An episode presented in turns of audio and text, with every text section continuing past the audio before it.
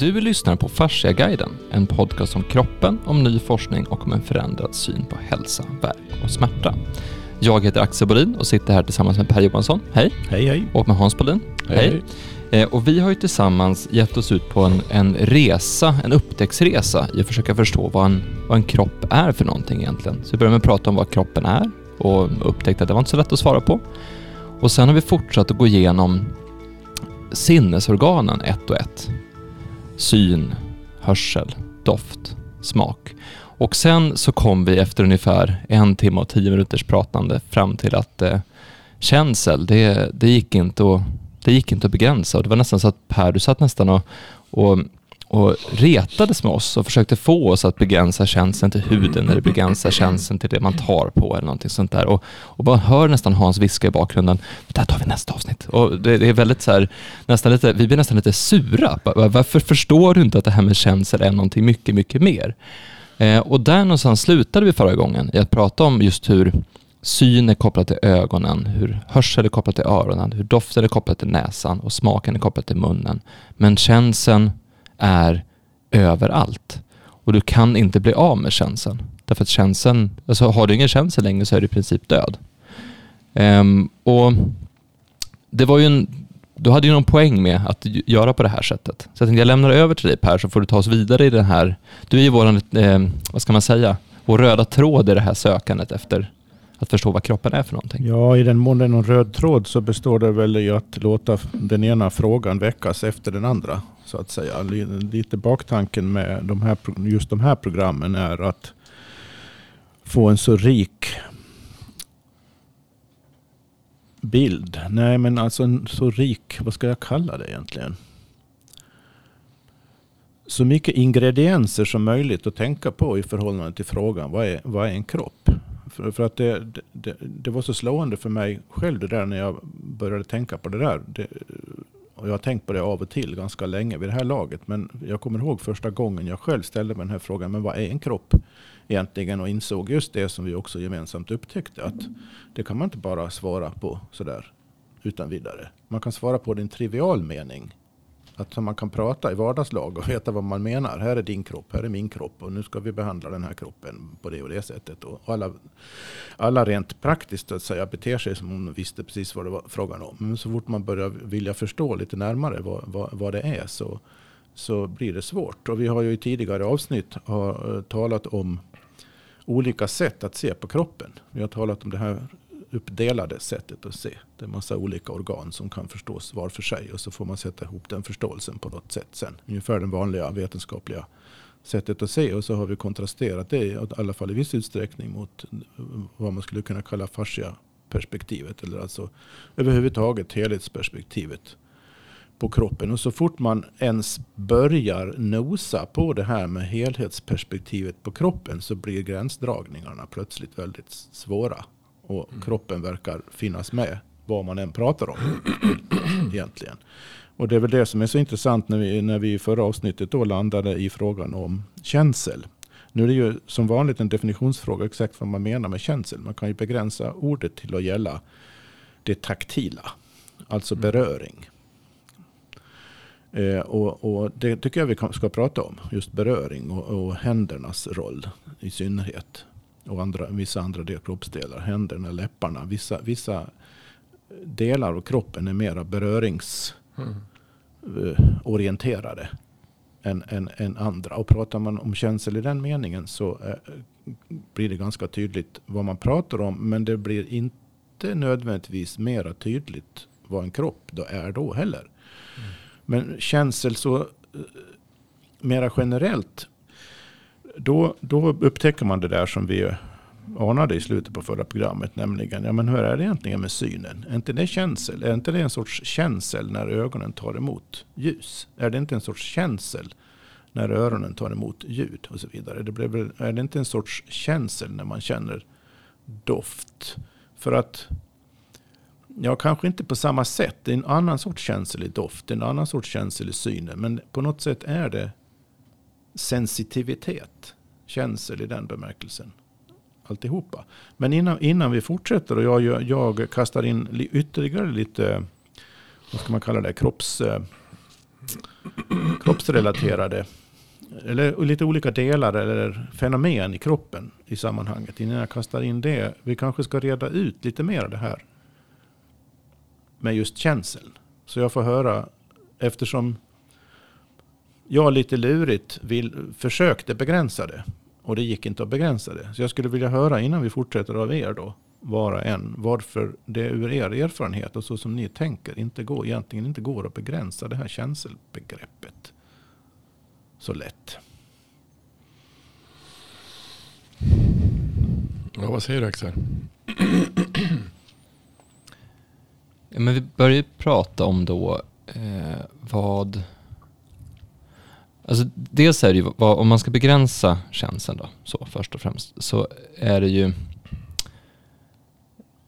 Om vi tar det man tar på, vi börjar där.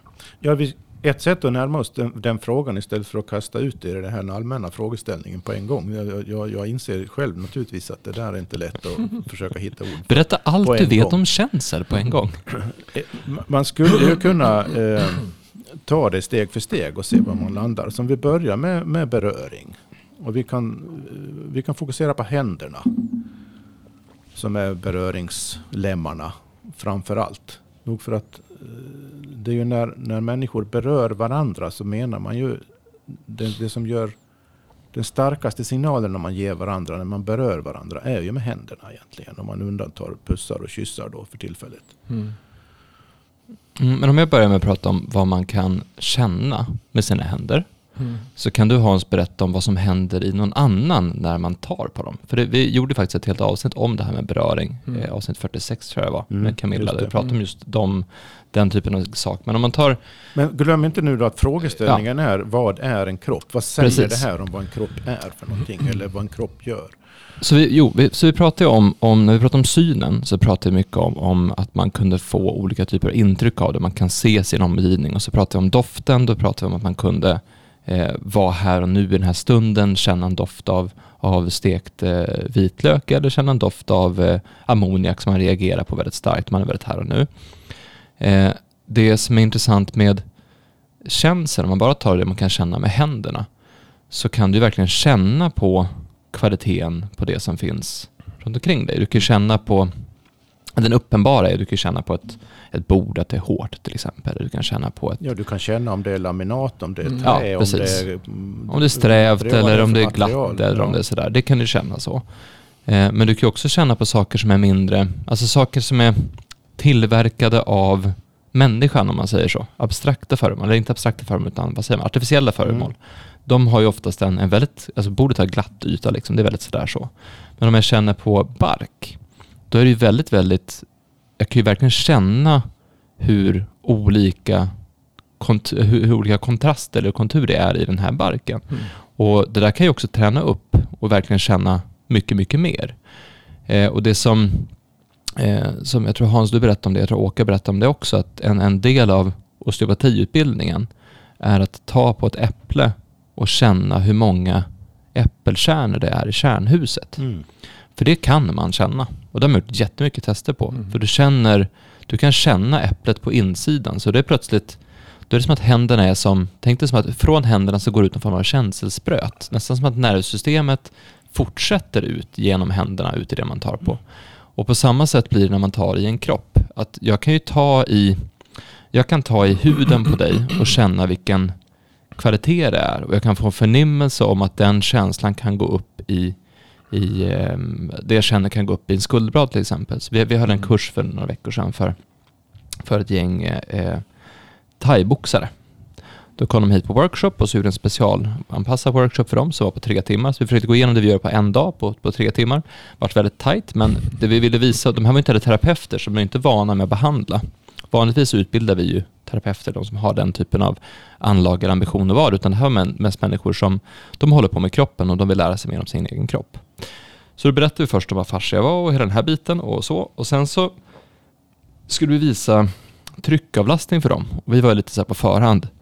Okej, här kommer folk som inte har någon erfarenhet av behandling. Kommer vi kommer det här ens gå? Alltså kommer, kommer det här vara någonting som, kommer vi kunna förmedla det här på en, alltså kan man lära sig det här på en timme? På en ja, precis. Ja, och det kunde man. Ja. Och då, då visar vi egentligen hur man håller för det vi gör med, med en tryckavlastning, då att då håller man på, på två stycken eh, leder till exempel. Och så sen så försöker man, det ska inte vara ett hårt tryck, det ska vara väldigt försiktigt och så sen så känner man någonstans var var glider det här iväg? Det låter lite abstrakt när man pratar om det. Jag men har det är en, ju varit med om det där själv. Så jag har ju känt det där. Det, det är helt fascinerande. ja, så det är lätt att visa vad det är jag gör, men det är svårt att förklara det. Eh, men, men i, Det är lätt att känna det också. Ja, det, Precis. I princip handlar det om att du håller, du håller i kroppen och då avlastar du kroppen, vilket gör att kroppen inte behöver anstränga sig för att hålla sin position, om man säger så. Så du håller istället kroppen och då får kroppen glida, glida med dit den ska någonstans. Det är, alltså det är, det är ungefär som att vara, om man är i vatten till exempel, så slappnar man ju av på ett annat sätt om man är, ligger i och ligger och flyter. Det är lite som den biten, att du, ligger och fly, du håller någon så att den kroppen kan ligga och flyta. Det häftiga med det är då att om du håller i en, en handled och en, eh, en underarm som jag gjorde då och visade som exempel. Då säger jag så här, nu borde du känna det här upp mot armbågen. Känner du det? Ja. Mm. Och nu upp mot skulderbladen? Ja. Och nu mot nacken? Ja. Aha, shit, säger de då. Ja. För då, det är så ett litet, litet drag i handleden känns hela vägen upp till, till nacken. Mm. Och hur, det här är ju någonting då jag har tränat upp, för jag har gått kurser i det här och hållit på med det här i flera år. Och hur man då känner att det går upp i nacken, det är lite svårt att svara på. Är det här att jag känner ett drag i fingret eller känns det som en förnimmelse eller är det mitt eget nervsystem som får kontakt med, med ditt nervsystem eller är det, var är, var är känslan? För det är uppenbart att, att om jag känner det och så säger jag det här känner jag, känner du det? Och du säger det här känner jag också. Eller vi har gjort samma sak att man ligger ner och så håller man ett ben, man ligger ner på rygg och så sen så eh, har man två ben framför sig. Så håller man, då drar man ena benet inåt tills det tar stopp. Alltså tills det inte vill röra sig mer. Och så håller man det i det läget. Mm. Och så väntar man. Och så väntar man. Och sen efter en stund så börjar det antingen ge med sig lite grann, eller så börjar personen som ligger där känna det uppe i höften, eller upp i ryggen, eller upp i nacken. Alltså det kan gå väldigt, väldigt... På det sättet ser man hur kroppen sitter ihop. Och det är en sak att personen som ligger där känner det. Men att jag känner, nu borde det här kännas upp i höften. Nu, jag får ju en förnimmelse av när, var det, var känns det som någonstans. jag tyckte var så intressant när jag provade det här på Hans. Det var ju Mm. att jag, jag som gjorde det på Hans Kände. kände det tydligare än vad Hans själv gjorde. Mm.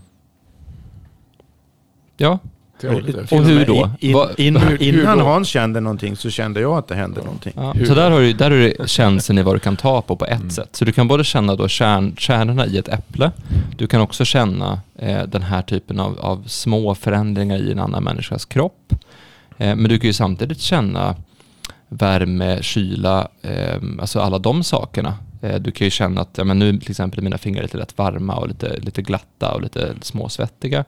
Eh, det är också all känsla som kommer till eh, alltså när, det, när det kommer till Alltså, vi kan känna inre organ. Det är också en sak vi ska lära oss. Alltså, hur känner jag magen? Hur känner jag? Eh, och det har jag väldigt mycket nytta av med min dotter nu. Att får hon liksom magproblem, då kan jag hålla på ryggen och magen och då avlasta ett organ så att det blir mer utrymme och mer luft. Så att det liksom sådär.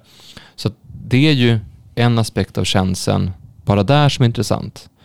Och sen har du allting du känner i huden. Att, för att vi, om vi, vi är kvar på händerna. Vi ska beg- vi begränsar oss till vad händerna kan känna. Ehm, Ja, men allt du har beskrivit hittills är ju händerna ja. som Mm. känner. Det är Mm. via händerna man, man känner det. Och, och man känner så mycket mer än bara eh, vad ska man säga, ytberöringen mellan handen och något annat. Man känner, det är poängen i det du säger. Man känner väldigt mycket mer. Så att Sen är det ganska det, där skulle det behövas, och det är ju i vanliga, ord, vanliga ordalag när man säger känsel så menar man ju själv om jag lägger handen nu Mm. på, på en, en, en lampa jag har framför mig här. Så, med lite fjädrar och grejer på. Då, då, då är ju själva kontakten mellan min, ytan på min hand så att säga och ytan på det jag känner på. Det är ju det man normalt känner, kallar med Mm. känsel i trång mening så att säga.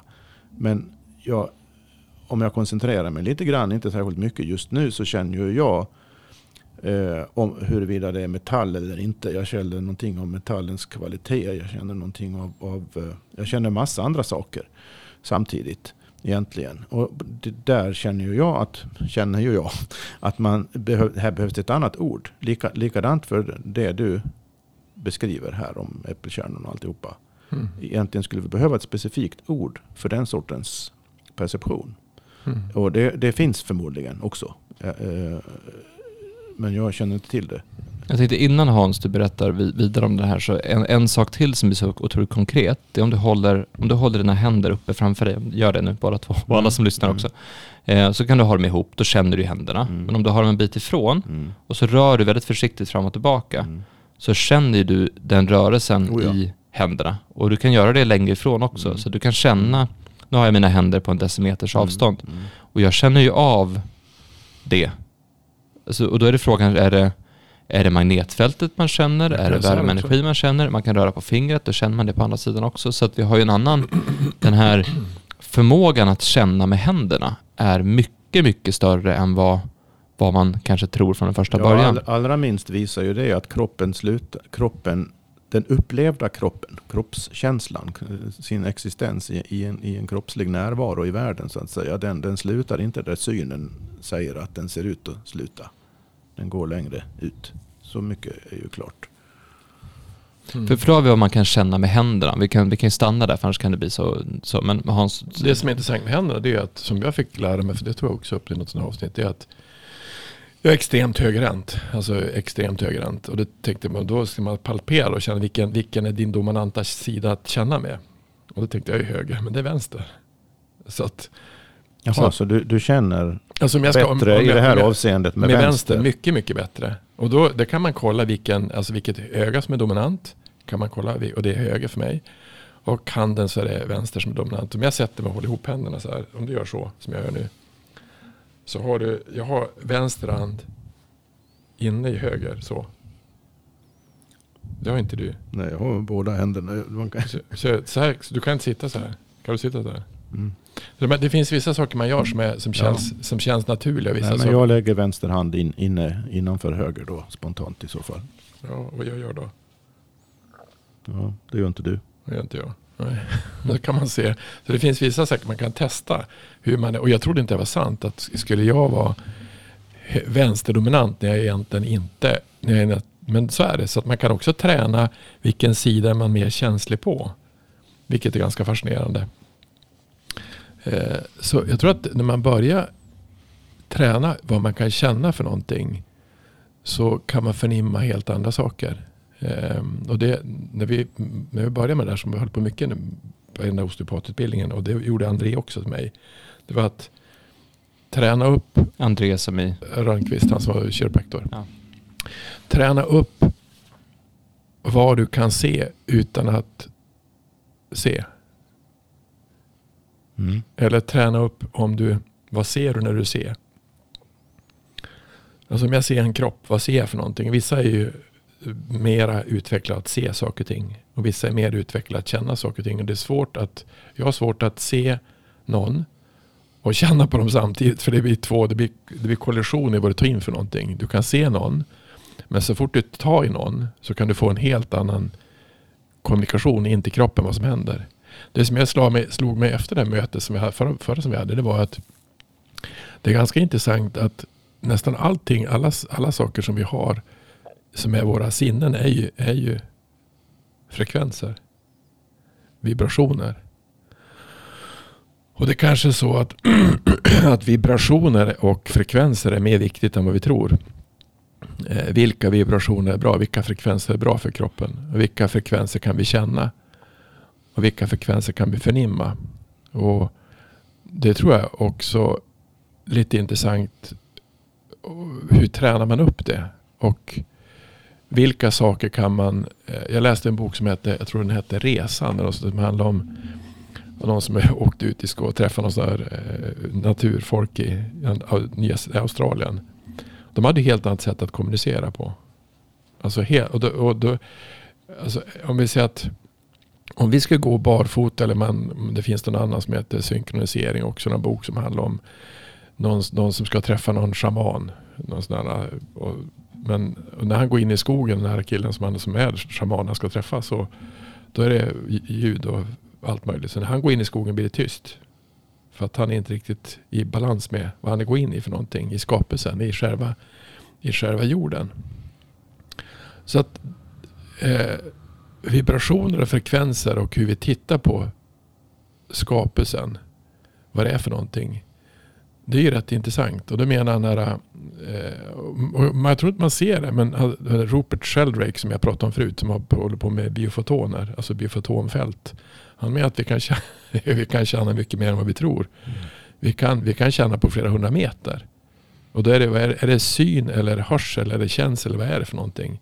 Eller är det, vad är det? Och han har ju gjort experiment på det. Alltså att folk kan, många kan känna att någon tittar en i, någon står och tittar på en bak i. Och vi har ju ögon framåt, inte bakåt. Hur kan jag se, hur kan jag se att någon tittar på mig fast jag har huvudet åt fel håll? Och det har han gjort många experiment på. Han säger att, att det där biofoton, och han menar att biofotonfältet som finns, så menar han, vad är det då? Alltså han menar fåglar som rör sig i flykt. Som far runt. Hur kan de, hur kan de bara styra och navigera så i den fart? Men de är i samma fält. I samma rörelse. Så att, och då, då blir ju då blir kroppen ännu mer festlig att tänka på. Aha, kan vi känna som de här, de här eh, naturfolken, aboriginerna i, i Australien. De kan ju kommunicera på, i långa avstånd med varann. Telepati. Det har man också gjort test på. Men det är svårt. Så vad, vad, är, vad, är, vad är kroppen? Vad är det för någonting? Och hur kan vi kommunicera och ta in saker och ting som det borde vara ganska enkelt som jag säger. Det borde vara ganska enkelt att förnimma saker och ting som man har varit med om i en annan kropp. Alltså om jag kan palpera en annan kropp så kan jag också ta reda på vad, vad är det du har varit med om för någonting. Vad är det du sitter fast i?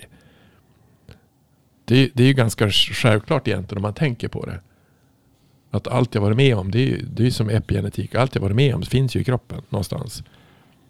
Jag känner att eh, i och med det ni har sagt hittills och nu senast så börjar vi närma oss faktiskt ett väldigt intressant svar på vad en kropp är.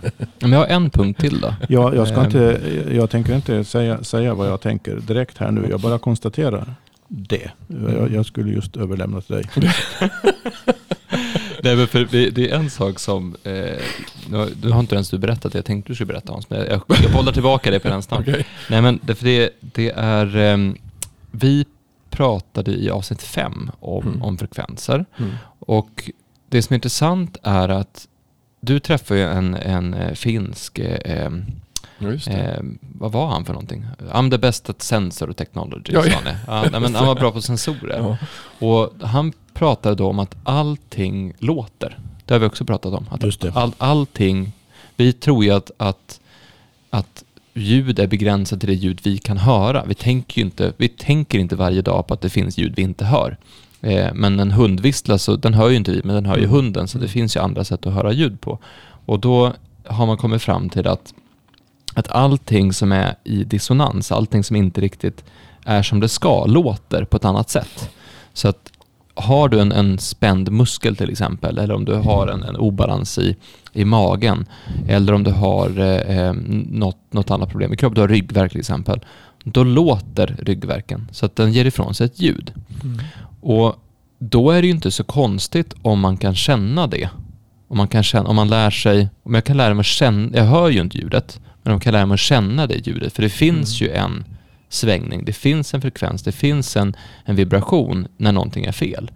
Och då är det väl inte alls konstigt att jag kan tända upp mig till att känna den.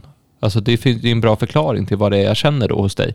Att när jag håller din arm där och känner att du går upp till nacken till exempel, då hör jag kanske, med fingrarna kanske jag hör ljudet. Det är något ljudliknande över den förnimmelsen. Ja, fast det är inte ett ljud som du upplever med, nej, med öronen. Nej, utan... men det, det, är därför jag säger ljudliknande. Ja. Mm det. Det, det, ju, det, känner väl, det har väl alla varit med om, om, om man har till exempel varit på en konsert med väldigt kraftiga djupa bastoner. Man känner ju dem mera i, i hela kroppen än, än i öronen egentligen. Det, det ju, så, så, att man kan känna ljud ja. annat än med öronen. Det är uppenbart. Det intressanta med det här du nämner nu är ju, är ju, eh, och det här är någonting jag tror gäller alla typer av förnimmelser.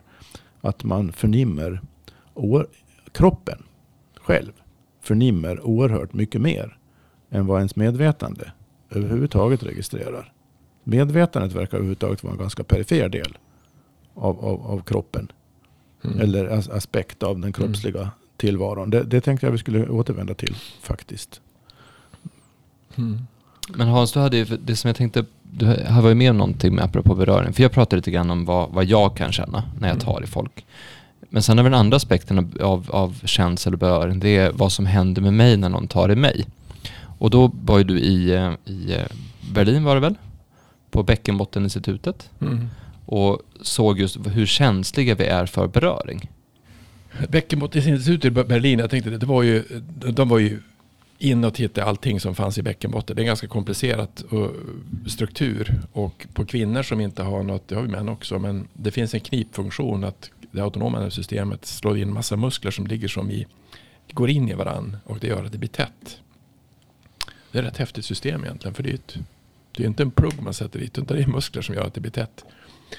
Och då eh, är det väldigt vanligt, eller du visste inte vanligt men det är väldigt vanligt att, att kvinnor får problem med en massa saker. Inkontinens, eh, migrän, alltså en massa saker som finns och som har faktiskt med bäckenet att göra.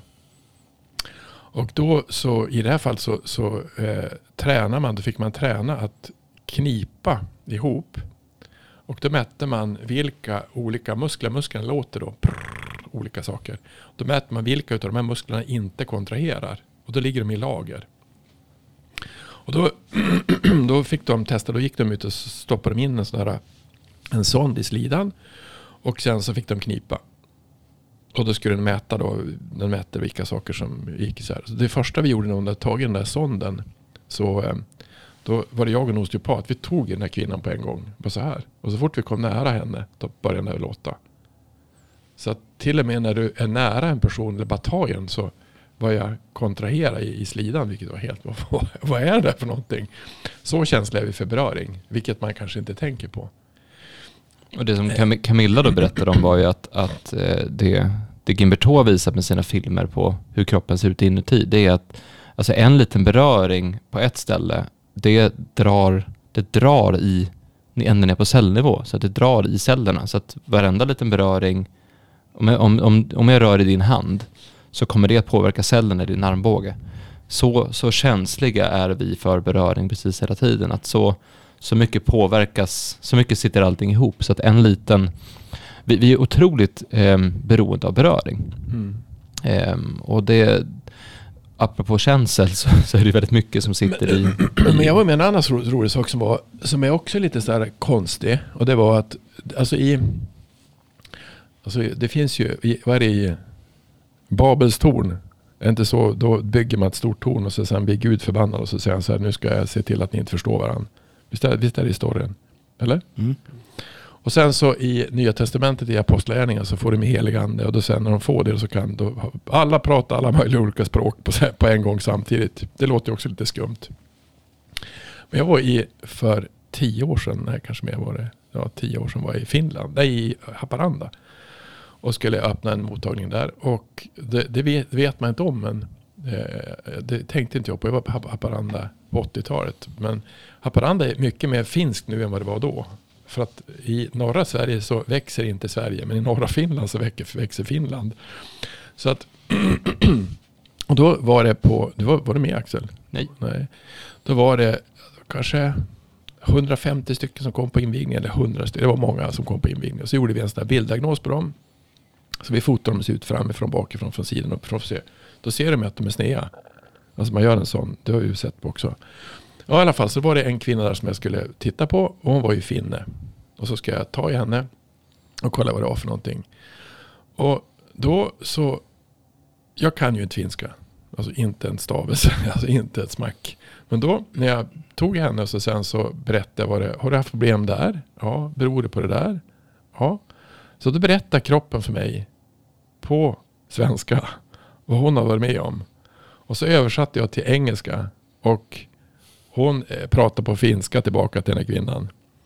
Och kvinnan som låg där och tittade på mig, hur kan det komma sig att han kan? alltså, så kroppen kan prata, alltså vibrationerna som finns i kroppen är, eh, de är språkneutrala. Vilket var helt sjukt. Hur ska jag kunna förstå, hur kan jag förstå finska? Jag kan ju inte ett ord finska. Så då, det, det var rätt häftigt att se. Alltså hur, och, och, då kanske det finns man säger ju att vi är mer lika än vad vi tror att vi är. Att Mm. alltså, det finns väldigt stor liten skillnad. Mm. Och då är det ju, då är det ett, an, då är, då är ju, då är det ett helt annat sätt att se på kroppen. Då i kroppen finns det, eh, det finns en, en översättning, språköversättning som, som alla, så kroppen kan förstå alla språk. Vi kan inte prata alla språk, men kroppen förstår alla språk. Och då blir ju, då blir ju, då blir ju känseln ännu märkligare. Eller då blir ju kroppen ännu konstigare. Ja, men så mycket kommunikation sker ju också via känseln. För nu, nu har vi pratat lite grann om att, att ta, vad man kan ta, vad man kan känna när man tar på saker. Mm. Och så lite lätt och lätt det här om att bli tagen på, alltså bli berörd. Men det är ju den här begränsande känseln. Mm. För sen är det också det här med, du, förra gången så ville du att vi skulle begränsa känslan till huden. Ja, men om, om näsan är doften och munnen är smaken, då kanske känslan är huden då. Och där har du ju nästa sak med, med huden är ju att, att om, om någonting, alltså du kan ju direkt känna att någonting händer i huden på armen så känns det över hela kroppen samtidigt. Eh, men ett ännu bättre exempel, om du får eh, ont i tanden, jag fick ont i min tand för några veckor sedan. Alltså har du tandvärk, då känns det ta tusan i hela kroppen, Kroppen. samtidigt. Mm. Det är rätt fascinerande. Att det är så, för då testade jag att jag hade, jag hade på, på ena eh, kindtanden här nere och gick över och med tandborsten så, så gjorde det ont, men jag visste ju att det här är som, ja men det gör ont, så jag tänkte jag, jag, jag testar det här, vad som händer. Kan jag, kan jag liksom ta in den här smärtan? Och varenda gång jag rörde tandborsten över tanden, då kändes det i hela kroppen. Så testade jag igen, så kändes det i hela kroppen. Och det är ganska häftigt hur, hur en sån liten punkt, en sån liten smärtreceptor som är i tanden då, gör att det verkligen fysiskt känns. Alltså det var som det var som att bli bränd eller vara i en, en stark kyla eller att ha liksom den här... Det kändes verkligen i huden över så hela är det kroppen. väl egentligen med all, all, vad ska man säga, mera intensiv smärta. Att de- den, på, den får hela kroppen att dra ihop sig eller reagera Mm. på något annat sätt. Vi hade en släkting till dig, alltså till Tanja som kom till, hennes mamma sa att han, han, han kommer från Frankrike eller sådär, han hade tandvärk. Så sa kan inte du köra med maskinen på tandvärk? Jag slutade så jag, det går, går ju inte, men det gick jättebra. Jaha. Ja, och, så det, var, alltså det, och det, det visade sig att en av de häftigaste sådana här, eh, en av de häftigare killarna som var på i Washington, nej i Berlin, det var en tandläkare som hade visat hur eh, fascian ledde vibrationer. Och hur, för att tand, alltså många, alltså många tandläkare är intresserade av vad som händer i nacken. Och vad som händer i, alltså om du har bett. Mm. Om, det är för, om det är för mycket, man biter ihop för mycket. Så till slut händer någonting i munnen. Men det händer också någon annanstans. Så då hade han visat nacken satt ihop med munnen via fascia. Han har tagit då kycklingfascia och så visar hur den, den med vibration hur det, hur det spred sig ganska snabbt. Vilket det gör, det är inget, det är inget svårt att förstå det. Men, men eh, smärta tror jag det är ju, alltså ett sätt att försvara, smärta det är ju som vi tar med Torkelif på Färöarna. Det var ju att för mycket tryck, då ligger receptorerna och signalerar. Det är inget bra det här. Så, så ökar då flödet där och du får mera, mera rymlighet, då kommer ju smärtreceptorerna att lägga av.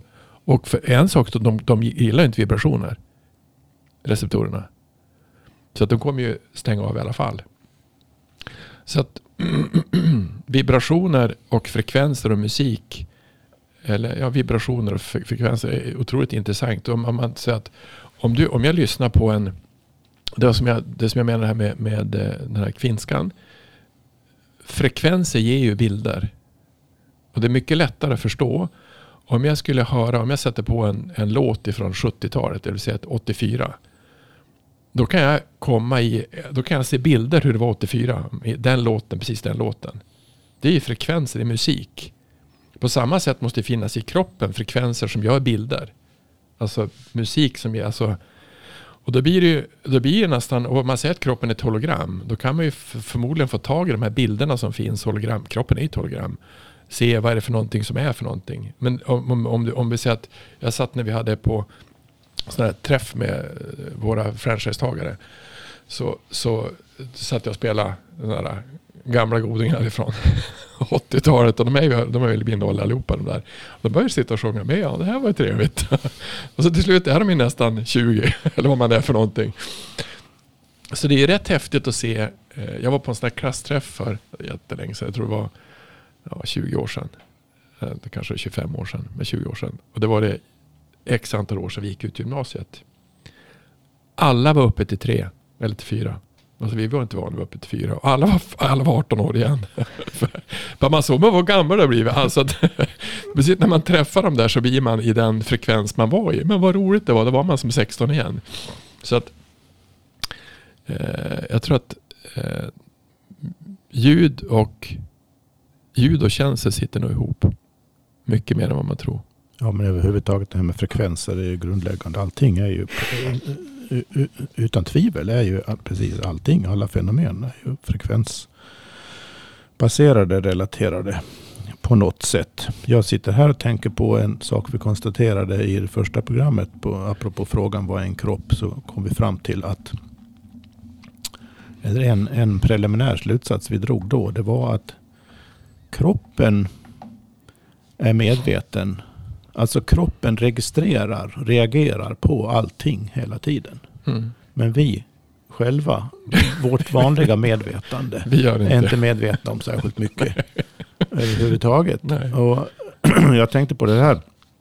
Eh, Jag håller på och läser, läser om nu en bok från 70-talet som jag inte har läst på så många år så jag har glömt allting. Eh, Det är intressant att läsa om. Den heter, det är en bok av Julian Jaynes, eh, amerikansk psykolog som skrev en bok som heter, har en väldigt märklig titel, The Origin of the Conscious, The Origin of Consciousness in the Breakdown of, of the Bicameral Mind. Det låter ju ganska Ja. begripligt. Jag tänker inte förklara vad det handlar om nu, men han har en väldigt intressant teori om, om medvetandets historia som går ut på att med, eh, eh, egentligen historiskt sett så fick inte människorna vad vi idag kallar med medvetande förrän eh, kanske 1000-1500 år före Kristus eller någonting. Innan det så hade människorna ingen medvetande i modern, vår, vår individuella mening. Och det låter ju helt knasigt såklart. Mm. Eh, spontant, liksom första reaktionen är ju, äh, va? Nu- Det beror då, då i hög grad, som han framhåller i början av boken, på definitionen av medvetande. Då.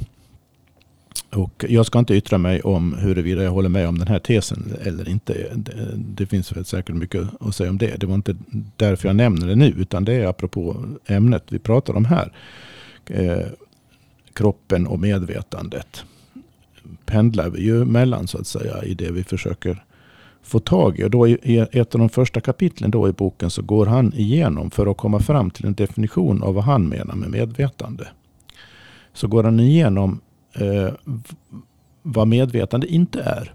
Mm. Han tar en massa ex, eh, exempel från olika experiment och erfarenheter som tyder på att medvetande är ganska oväsentligt för väldigt mycket där vi spontant kanske tänker att det är väldigt viktigt att vara medveten men egentligen är det inte det.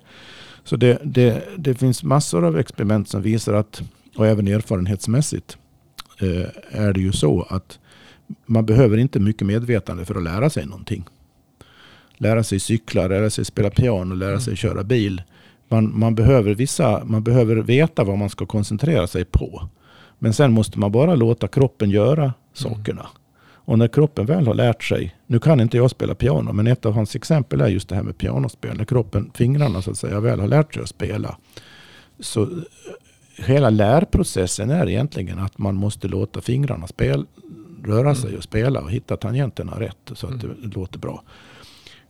Om man, om man försöker medvetet liksom, och det är samma sak om man lär sig köra bil eller vad som helst. Man försöker medvetet fokusera på vad kroppen gör.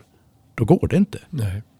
Så att kroppen kan lära sig allt, enorma komplex- komplexa saker utan att man behöver vara medveten om vad som händer i någon större utsträckning alls.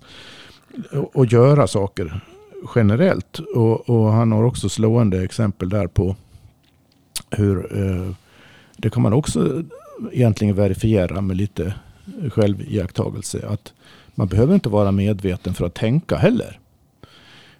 Of- Ofta så kommer man ju på, på saker utan att man vet hur man har kommit på det. Man bara kommer på det. Man har inte suttit liksom och medvetet tänkt efter steg för steg logiskt. Liksom. Hur följer det ena på det andra? Mm. Det har man, utan det bara kommer till en. Och, och nu när vi sitter och pratar, vi är fullständigt omedvetna om vad som händer. Alltså hur går det till? Mm. Hur, hur går det till när det kommer en massa ljud i munnen som låter som ord som går att begripa? Hur, hur, hur går det till? Och, och, och om jag försöker in, introspek, med introspektion nu här försöka vara medveten om vad som händer när jag pratar. Så slutar jag prata. Mm. Då kommer det. Det kan, jag- kan jag inte Ja, du kan prata. inte göra de två samtidigt. Jag kan, går, jag kan liksom inte iaktta pratandet medan jag pratar, för då slutar jag prata. Mm. För att det, det går liksom, pratandet måste bara ske. Men det är ungefär som det här med att om jag... Och jag vet eh, inte var orden kommer ifrån. Det ja. enda jag är medveten om är att jag har någon sorts märklig abstrakt riktningskänsla av vad jag, skulle, vad jag vill uttrycka. Någon sorts, ja, apropå känsla, jag har en känsla av vad jag vill säga. Om, om jag låter mitt sinne på något sätt som jag inte förstår följa den känslan så kommer det prat som har med det att göra. Mm. Och, och jag, så, så medvetandet är en väldigt liten del i den här alltså, Mm. medvetet, medvetna, koncentrerade meningen, den, medvetande i den meningen, är en väldigt liten del av vad, vad vi håller på med. Men så är det inte alla forskare som jag lyssnar på som ska säga, alltså är sådana matematiker, säger vad är consciousness? Då, det, nej, jag går inte in på det. Jag har ingen aning vad det är för någonting. Nej, det, det, det finns ju inget, inget vetenskapligt svar på det där. Och sen är det som sagt en definitionsfråga vad man menar med medvetande. För att man skulle ju definitivt kunna säga, apropå när kroppen gör saker av sig själv som man inte är medveten om som är helt adekvata. Jag berättade i något program om hur jag hade cyklat flera kilometer och varit helt borta någon annanstans. Jag inte, visste inte vad jag, jag, var, jag var liksom inte där överhuvudtaget. Mm. Kroppen måste ju ha varit fullständigt medveten om var den var och vad den gjorde hela tiden. Men, men inte det jag uppfattar som mitt dagsljus jag-medvetande. Mm. Var inte där. Så, men egentligen allting ni har berört på olika sätt här, inte minst idag, demonstrerar ju väldigt tydligt att kropp, finns, kroppen har sin egen medvet, sitt eget medvetande. Mm. Som vi, nå- som vi på något sätt. Så vi pratade om i första programmet om beb, bebisar. Hur de Mm. liksom på något sätt upptäcker att de har eller är i en kropp. Och det, det tar lite tid att, att fatta. Och sen Mm. håller vi antagligen på hela livet då och försöker få in oss i kroppen på något sätt. Eller vad- fungera i kroppen. Eller, eller är, det, är det fel att tänka så? Det kanske snarare är att vi håller på hela livet och försöker lära i vårt kultur då, vårt extremt liksom medvetande, intellektfixerade kultur. Vi får tillbringa en stor del av livet med att lära oss och låta kroppen vara. Och fungera, Ja, fungera ja, som eller- den så att säga ska på sina egna villkor snarare än försöka... eh, Eller att försöka att hitta, eh, Ja, jag skulle, det Alltså, skulle hitta landa i en fråga här. Vad, hur ska man, hur, vad är den rätta frågan här egentligen? Vad, vad, är, vad är det man behöver? Vad är det vi som lever i det här märkliga moderna samhället som prioriterar tanken och intellektet och det här medvetandet egentligen i den här vardagsmeningen?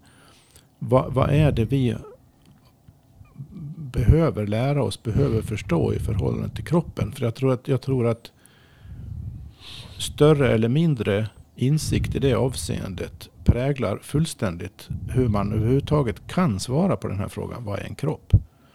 Alltså du, du, du sa någonting ganska spännande. Jag undrar hur allmängiltigt det är, men vi kan testa den. För du sa någonstans att om jag börjar fokusera på hur jag pratar, alltså att, jag, att ord kommer ut ur min mun och försöker förstå det och tänka på munnen och tänka på allt det där, då blir det svårare att prata. Eh, och det här tror jag alla känner igen i att om vi pratar med varandra och jag tänker på vad jag ska säga, då kan inte jag lyssna på dig längre. Så att det är därför det som vi gör när vi sitter och spelar in podcast, att jag skriver upp, nu skriver jag upp det här. För att om jag tänker på att jag ska säga det här jag ska säga nu, då slutar jag lyssna på dig och då blir det inte heller så bra. Så man måste Det här som, är i och för sig någonting man kan träna upp. ja, absolut. I min erfarenhet, man kan ha två parallella spår där på något sätt. Men det är, en trä, det är definitivt en träning. Men hur många parallella spår kan man ha? Det var det jag ja, försökte försöka par komma in på. skulle jag säga, inte mycket mer. För det som då handlar om... Tre, tre. Det blir alltså, spontant skulle jag faktiskt säga tre. Man kan ha tre Ja. parallella spår. För det där är min intressant. erfarenhet. Men, men det är väldigt långt från alla som kan det. Mm. För då är frågan, vad är det då man fokuserar på? För då handlar ju medvetandet i det här fallet, som du, som du pratar om nu, det här med att man är medveten om hur man gör saker eller sådär. Då kanske det är två eller tre parallella spår. Det är ju samma sak som, det skulle man kunna säga är fokus. Alltså vad fokuserar du på? Ja, men jag fokuserar på, på att ehm, eh, laga mat och lyssna på en podcast. Det är ungefär de två sakerna jag kan göra samtidigt. För det går att göra samtidigt. Jag, då, tänker, jag tänker nu på under ett samtal. När man, ena, eh, jag har tänkt på det till exempel i samband med när jag och Erik Skylt spelar in våra program Yttre Mysterier. I, vissa program har jag förberett ganska mycket vad jag, vad jag skulle vilja ha fram i programmet. Så det är ett spår jag är medveten om medan han och jag pratar. Mm. Ett annat spår är eh, att lyssna på vad han säger. Hans input, hans reaktion på vad jag säger. Vilket i sin tur väcker mina tankar på vad jag skulle vilja svara på det. Samtidigt som jag ska komma ihåg vad jag själv vill ha sagt. Och det ska fly, alltihop ska flyta på. Det ska liksom inte störa vartannat. Mm. Det här. Och det är liksom egentligen tre olika uppmärksamheter som behöver fungera samtidigt. Det som får det att fungera samtidigt när det gör det. Ibland gör det inte det helt och fullt. För det är svårt det här. När det som får det att fungera samtidigt är att jag inte fokuserar på något av det. Mm. Utan låter de tre sakerna bara äga rum för sig själv. Jag litar helt på att de sköter sig själv. Ja, jag kommer ihåg vad jag vill säga. Jag, jag, jag kommer ihåg vad det är jag skulle säga som svar på, på vad, vad Erik har sagt. Och, och jag eh, är fokuserad på att följa med i flöd. Jag, det är lite, jag har liksom inte benat ut det här för mig själv. Det är spontant gör jag det nu. Va? Men det är flera olika ingredienser här. Och det, det, när det inte funkar så betyder det att jag har gjort ungefär som du sa Axel. Jag har försökt tänka på vad jag ska säga samtidigt som jag ska lyssna. Mm. Då går det inte. Så de två processerna måste så att säga löpa på. Para, jag måste slappna av och låta dem löpa parallellt. Så det, det fokus ligger på något sätt märkligt vis på, på helheten. Alltså det är någon sorts kombination av att man hänger med i flödet men låter det flöda. Mm. Och det tror jag gäller många komplexa saker som vi människor kan göra. Till exempel jag kan föreställa mig eh, spela piano riktigt bra. Samtidigt som man är med, medveten om andra saker. Hur det tas emot av publiken. Eh, om, om, om man själv tycker att det blir en bra, eh, ett- bra spel så att säga. Och, och själva spelandet och noterna alltihopa. Alltså det är ganska många olika saker som idealt sett skulle kunna samspela för att få den där fantastiska framförandet. Många sådana där komplexa saker som vi människor kan göra, de, de kan vi göra om vi låter medvetandet egentligen i stunden träda tillbaka. Mm. Men det som får det att fungera är om att man har tränat på det innan. Och den inlärningen, den träningen är också så himla omedveten. För försöker man lägga sig i den för mycket så funkar inte det heller. Nej, precis. Så att, och det här, för mig, apropå vårt samtalsämne nu, vad är en kropp? Så, så, för alltihop sker, det här sker ju via kroppen, pratandet, Mm. tänkandet i stunden, reagerandet på olika saker. Det, det är ju någonting som sker i och genom och via kroppen hela Mm. tiden. Så kropp, det har väldigt mycket att göra med vad en kropp är. Mm. Men när vi pratar om det på det här viset så låter det som om vi pratar om vårt medvetande eller vår medvetenhet eller eh, oss själva på något sätt. Men vi pratar ju egentligen om kroppen lika mycket. Kanske Mm. till och med mer. Mm. Jag tror så är det. Alltså det. Jag tror att det som... Eh, jag tror att, att om man ska ta det väldigt förenklat så tror jag att kroppen vill... Alltså kroppen kan göra mycket saker själv. Nästan allting. Alltså den gör allt själv. Den, den, alltså jag brukar säga det att, att förstår ni vilken fantastisk varelse ni är, vad den gör? Och man kan göra nästan vad som helst på kroppen, ställa upp i alla fall. Alltså, man kan verkligen vara vårdslös med kroppen. Tänkte på Mm. alltså Rolling Stones, är Keith Richards. Alltså, de lever fortfarande. De måste ju ha levt så hårt så det finns ju inte. Och de, de ser ändå rätt okej ut. Eh, så kroppen kan ju tydligen ställa upp på vilket hårt liv som helst. Men jag tror att det som kroppen, om man ska ta det riktigt simpelt enkelt. Så kroppen vill nog att man ska vara den man är i harmoni med sin egen ande. För när man blir, alltså om jag ska vända, polvända någonting som finns i kroppen som är fel. Då försöker jag få folk att förnimma när de var som lyckligast. Och när de är som lyckligast i kärlek, sanning och glädje. Då får de en annan vibration i kroppen. Som inte är, som inte är elände. Och det blir ju faktiskt, och det, det, det, det, oftast det som brukar hända då så brukar de gråta. För när man är i kärlek då gråter man.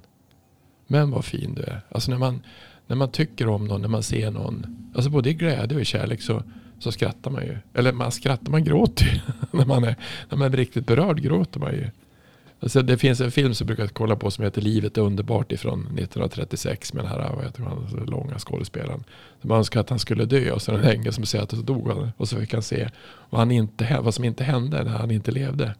Alltså han skulle inte gift sig, hon skulle bli ung med och det hände och eh, kraschen vart svårare. Och, och han hade inga barn och, och allting som hände. Och hela, alltså hur, mycket vårat, hur mycket vi berör varandra. Alltså som du säger att allting är, eh, vad kallar det, relationer. Ja. Alltså relationer med varandra. Och egentligen hela vår kropp är relationer med en massa andra relationer. Ja, men där, där börjar vi ju närma oss definitionen egentligen. Ja. Kroppen är ett rela, rela, har med Relationsobjekt. helt och hållet. Ja, och och det, det som kroppen inte vill då. Alltså egentligen så tror jag att kroppen är. Den kan ställa upp på allting som vi hittar på. Men egentligen vill den att vi ska vara i, i harmoni och kontakt med den den egentligen är. Mer, mer eller mindre. Eh, och jag, jag satt, alltså många säger, jag minns när vi var och träffade en massa miljardärer Axel i USA. behandlade, jag behandlade, hade ingen maskin, de behandlade mossa. Och järnspikar var problem de hade. Ju mer pengar de hade, ju mer problem hade de. Och vi, alla säger att man ska få så mycket tillgångar som möjligt för att då blir man lycklig. Men lyckan har ju ingenting med tillgångar att göra överhuvudtaget. Och ändå är det det som vi tror att det är som är grejen. Så jag tror att, att om man ska förenkla så tror jag att kroppen kan göra en fruktansvärt massa saker. Sen tror jag faktiskt vi har gåvor som vi har fått. Alltså nådagåvor som vi har som, som, som man inte ens, man har bara fått dem. Vilket eh, är helt sjukt. Att, alltså, vissa saker kan man bara utan att man vet om att man kan det. Eh, och det kan du inte, du kan inte börja med det om du ska vara medveten. Utan du halkar bara in i det. Oj, järnspikar, så vart man där. Så sen så kan man. Nej, det kommer och sen är man, blir man medveten om det och så undrar man var kom det Ja, där ifrån? Exakt. Vad var det där för någonting? Så att jag tror att det är, men jag tror att, alltså, jag tror att kroppen vill, enkelt så vill den att vi ska vara som barn egentligen. Vi ska försöka att gå med öppna ögon se saker som kommer, vara medveten om vad som händer. Och, eh, men han var en, det är en elak farbror där pappa. Han är ingen snäll de där. Det kunde jag säga förut. Eller som en kompis med sa att du, och Han Hans, så, son sa, kom det tjock, kolla vilken tjock farbror som går där borta, får du inte säga. Ja men han är jättetjock. Och så får han inte säga det i alla fall. Men du får inte säga så, men han är ju jättetjock. Eller som Ivar sa när vi spelade golf en gång. Han var fem år gammal och så ska han åka med en karl som hade, han var skittjock. Och så hade han, så tittade jag på honom och så hade han liksom hakan satt ihop med, alltså underdelen. Tittade jag på, varför har, du, varför har inte du någon haka för? Så, så, så, varför är du så tjock? Så han satt och ställde en massa frågor. Till slut så åkte han hem. Efter nio år åkte han hem. Det var det för mycket frågor. För att Ive ställde frågor på, på rakt ut på som det var. Och jag sa att egentligen tror jag att man ska vara sån. Alltså det är egentligen det som är. Och det, det är inte så fördärvat lätt. Men då är nog, då, då är nog kroppen. Eller då är nog, vad kallar du det för? Eh, relation? Nej. Astrid Lindgren har det här i någon Madicken-boken. Vad heter Madickens lilla syster Elisabeth? Det, har ni läst de böckerna? Det var länge sedan. Vid något, tillfälle så, eh, de, jag tror de är i någon butik och så säger hon, Madickens lilla syster, någon, någonting om den här butiksinnehavaren är, är dum. Jag tycker du är dum. Och så, Ja. så går de därifrån och så säger mamman till flickan då att jag tycker du ska be om ursäkt för att du sa att hon var dum. Och så, så, så, så ropar hon då högt liksom. Jag är ledsen för att du är dum. exakt, exakt, exakt. Ja. Det sammanfattar mycket av det Ja. du sa där. Ja, nej men. Eh, alltså jag tänkte på, jag har massa spår här som jag plockar upp. Eh, jag tänkte börja någonstans med att sammanfatta det vi sa i slutet av avsnittet av vad en kropp är.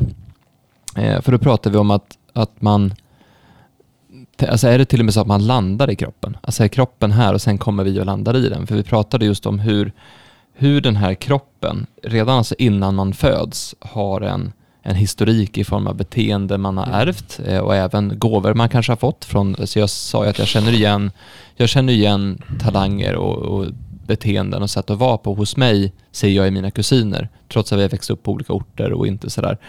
Och man har ju också vissa eh, så det är en historik och vissa egenskaper, sen har man en genetik man har fått från sådär och sen finns det en, en fysisk fysik, fysik man har fått, att man har gröna ögon eller att man är kort eller lång eller att man har mörkt eller ljust hår. Och sen så påverkas man också väldigt mycket av den miljö man föds i, att hur, hur det var där man var, själva födelseögonblicket påverkar en.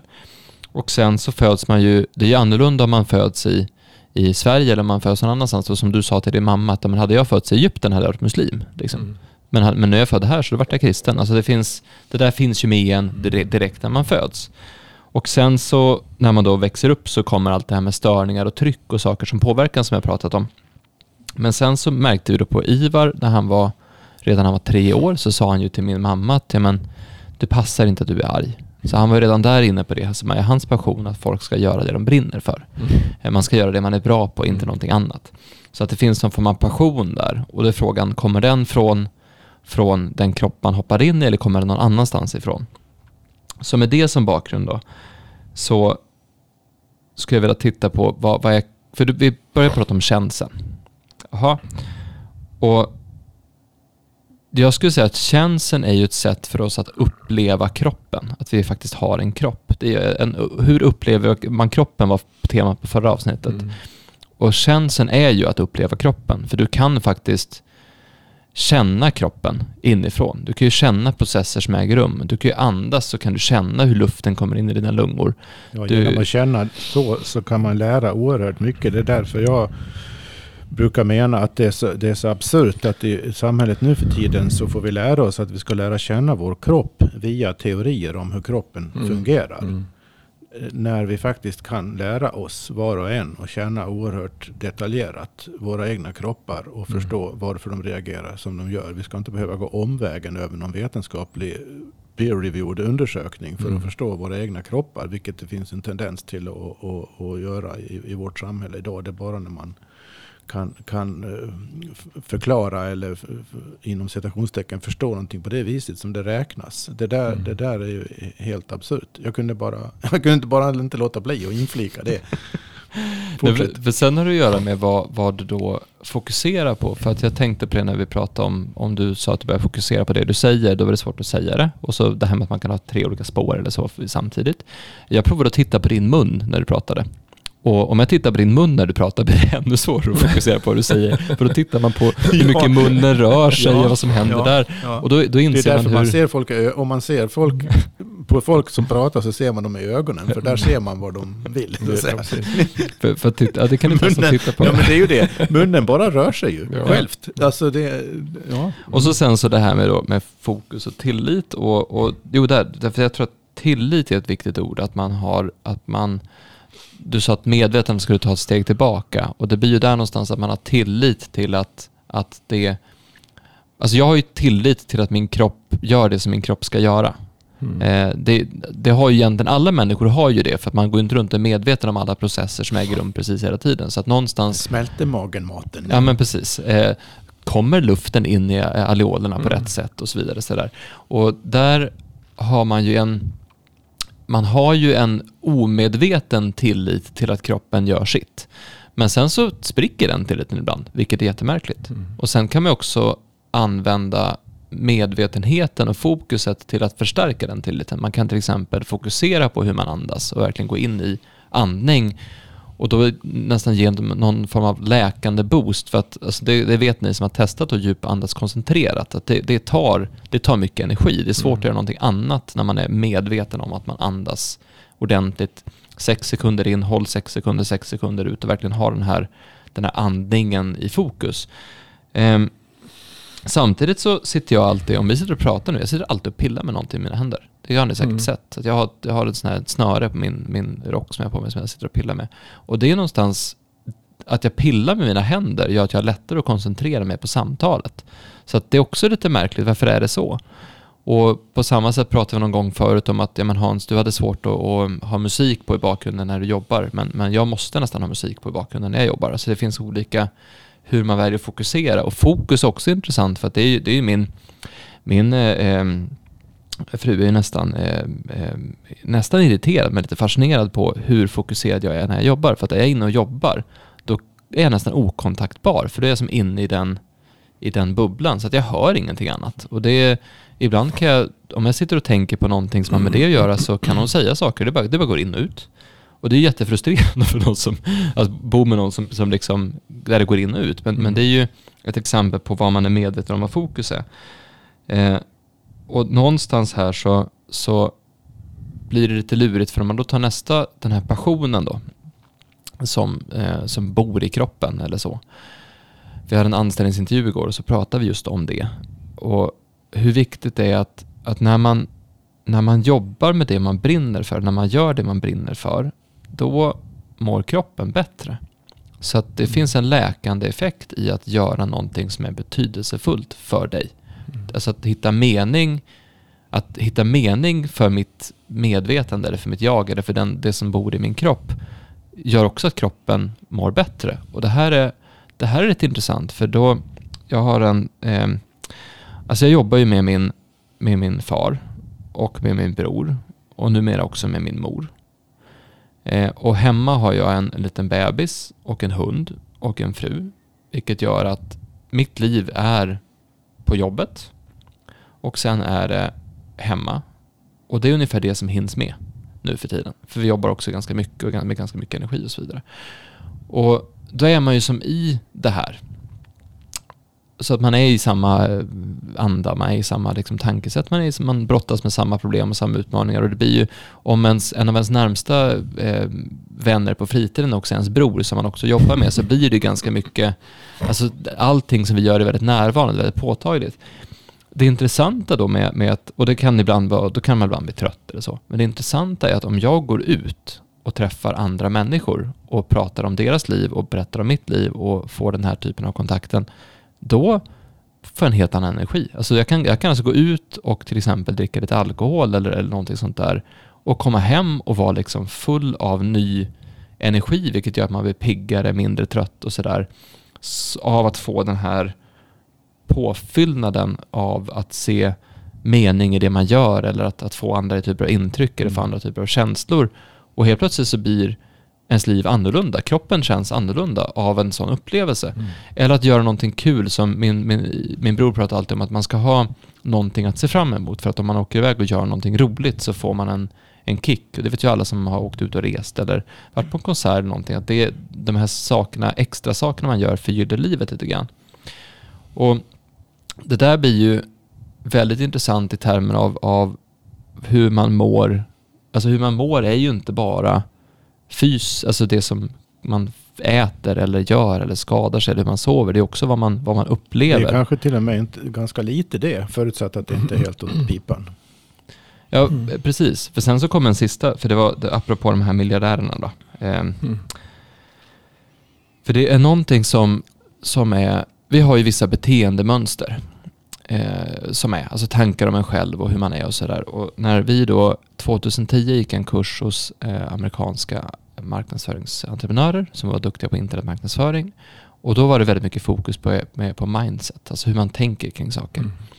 Och när vi hade onboarding för, för franchisetagarna så fokuserade vi också väldigt mycket på mindset, men i termer av eh, vad, är, vad är ditt kall? Vad brinner du för? Och hur kan du göra saker varje dag som påminner dig om varför du gör det här? Vad, vad, vad din känsla egentligen är, att försöka få det att landa i, i kroppen och få de här, de här rysningarna kring ja men just det, jag gör faktiskt det här för att jag brinner för att hjälpa människor. Jag brinner för att, att ta hand om folk. Jag brinner för att fler ska må bra. Jag brinner för att det blir den här förändringen i världen. Det är, det som, som de, det är därför de gör det de gör.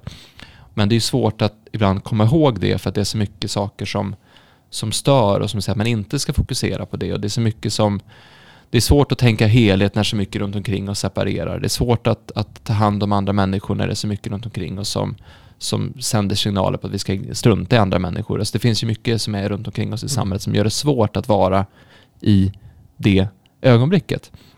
Men då, då kan man ju använda olika typer av vanor för att påminna sig själv om varför man gör det man gör och så vidare, för att få den känslan. Och precis så här jobbar de här amerikanska entreprenörerna med det som kallas för NLP. det intressanta med det var att de här människorna vi träffade då, de var alltså dollarmiljonärer, dollarmiljardärer. De var i sin bransch kändisar. De hade eh, allt, alla tecken på framgång, materiell framgång, de hade bilarna, de åkte på resorna, de hade, de, de, de hade liksom allt det där.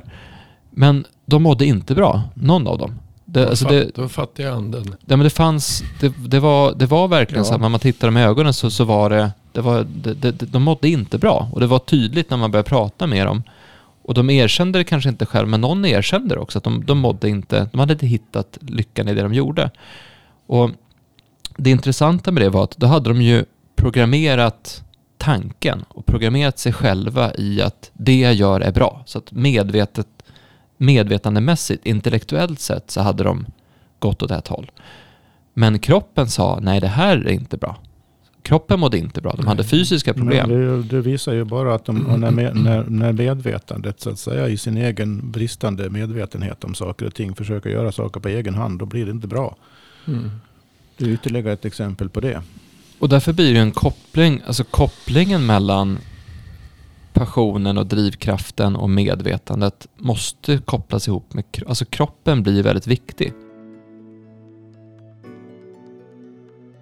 Om vi skulle sammanfatta det vi nu egentligen har sagt i tre avsnitt så har vi pratat först om att vi inte riktigt har ett bra svar på vad en kropp är. Vilket Nu- är väldigt intressant i sig. Vilket ja.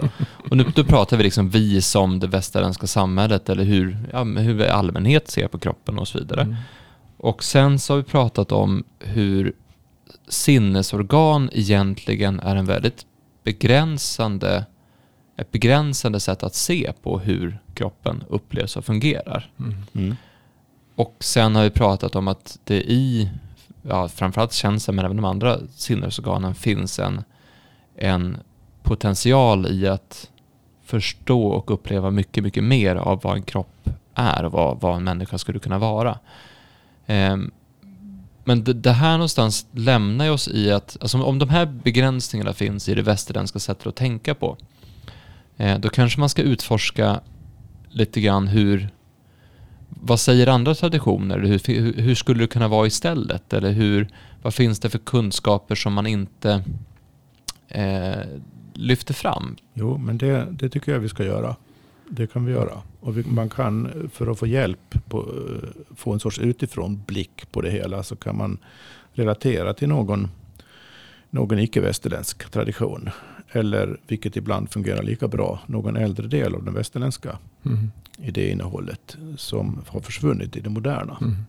Som vi har pratat lite grann om i, i, i något tidigare program. Sen är det en annan fråga som jag tycker blir väldigt intressant i förhållande till de här samtalen i de här programmen. Det är nämligen om man, om man inser att det inte är självklart vad en kropp är. Vad en kropp gör, vad en kropp kan bli, vad en människa kan bli i sin Mm. kroppsliga existens. Om det inte är självklart, vilket jag tycker vi ganska utförligt Mm. har konstaterat. Då, då blir det väldigt intressant att fråga sig i relation till det. Vad är, för att här, fasciaklinikerna sysslar ju med behandling. Mm. Vad är en behandling? Mm. Det var För att, det, för att det, det, den frågan blir ju intressant just utifrån det här perspektivet. Mm. För, för att normalt sett är ju att eh, man, man, eh, man, frå- någon säger ja, jag ska gå på behandling. Här, Jaha, vad ska du gå på behandling? Jo, men jag har ont i ryggen. Jag ska gå och få behandling för Mm. det där. Ehm, och så tycker man det är liksom helt självklart vad det är. Ja, gör man ont och så gör någon någonting och så har man inte ont längre om det Mm. funkar. Och, och då, det har med kroppen att göra. Och det är inget konstigt. Men om, om, om kroppen är så mystisk Mm. och egentligen ganska oförståelig för oss Mm. som vi har kommit fram till. Då, blir det inte, då är det väldigt svårt att svara på frågan vad är en behandling? Mm. Så det tycker jag kunde vara ett intressant program Mm. framöver. Och, eh, kanske bäst som uppföljare till det, till det här då. För att sen Mm. gå vidare i det andra du, vi nämnde. Mm. För det kan ju bli väldigt intressant just för de som sysslar med behandling. Vad, Mm. För att vad, jag, vad vi skulle kunna försöka göra då är, är ja, efter bästa förmåga, både för vår egen skull och i, i största allmänhet hjälpa till och befästar en, en, vad jag tycker är, är faktiskt en viktig möjlig insikt att den här sortens lite mer filosofiska resonemang som, som det har varit frågan om här nu då på ett sätt. Att de har en sån otroligt konkreta konsekvenser beroende på Mm. hur man ser på det. Och det tror jag vi skulle kunna ringa in Mm. väldigt handfast om vi utifrån de här diskussionerna ställer just den frågan. Mm. Återigen, vad är en behandling egentligen? Mm.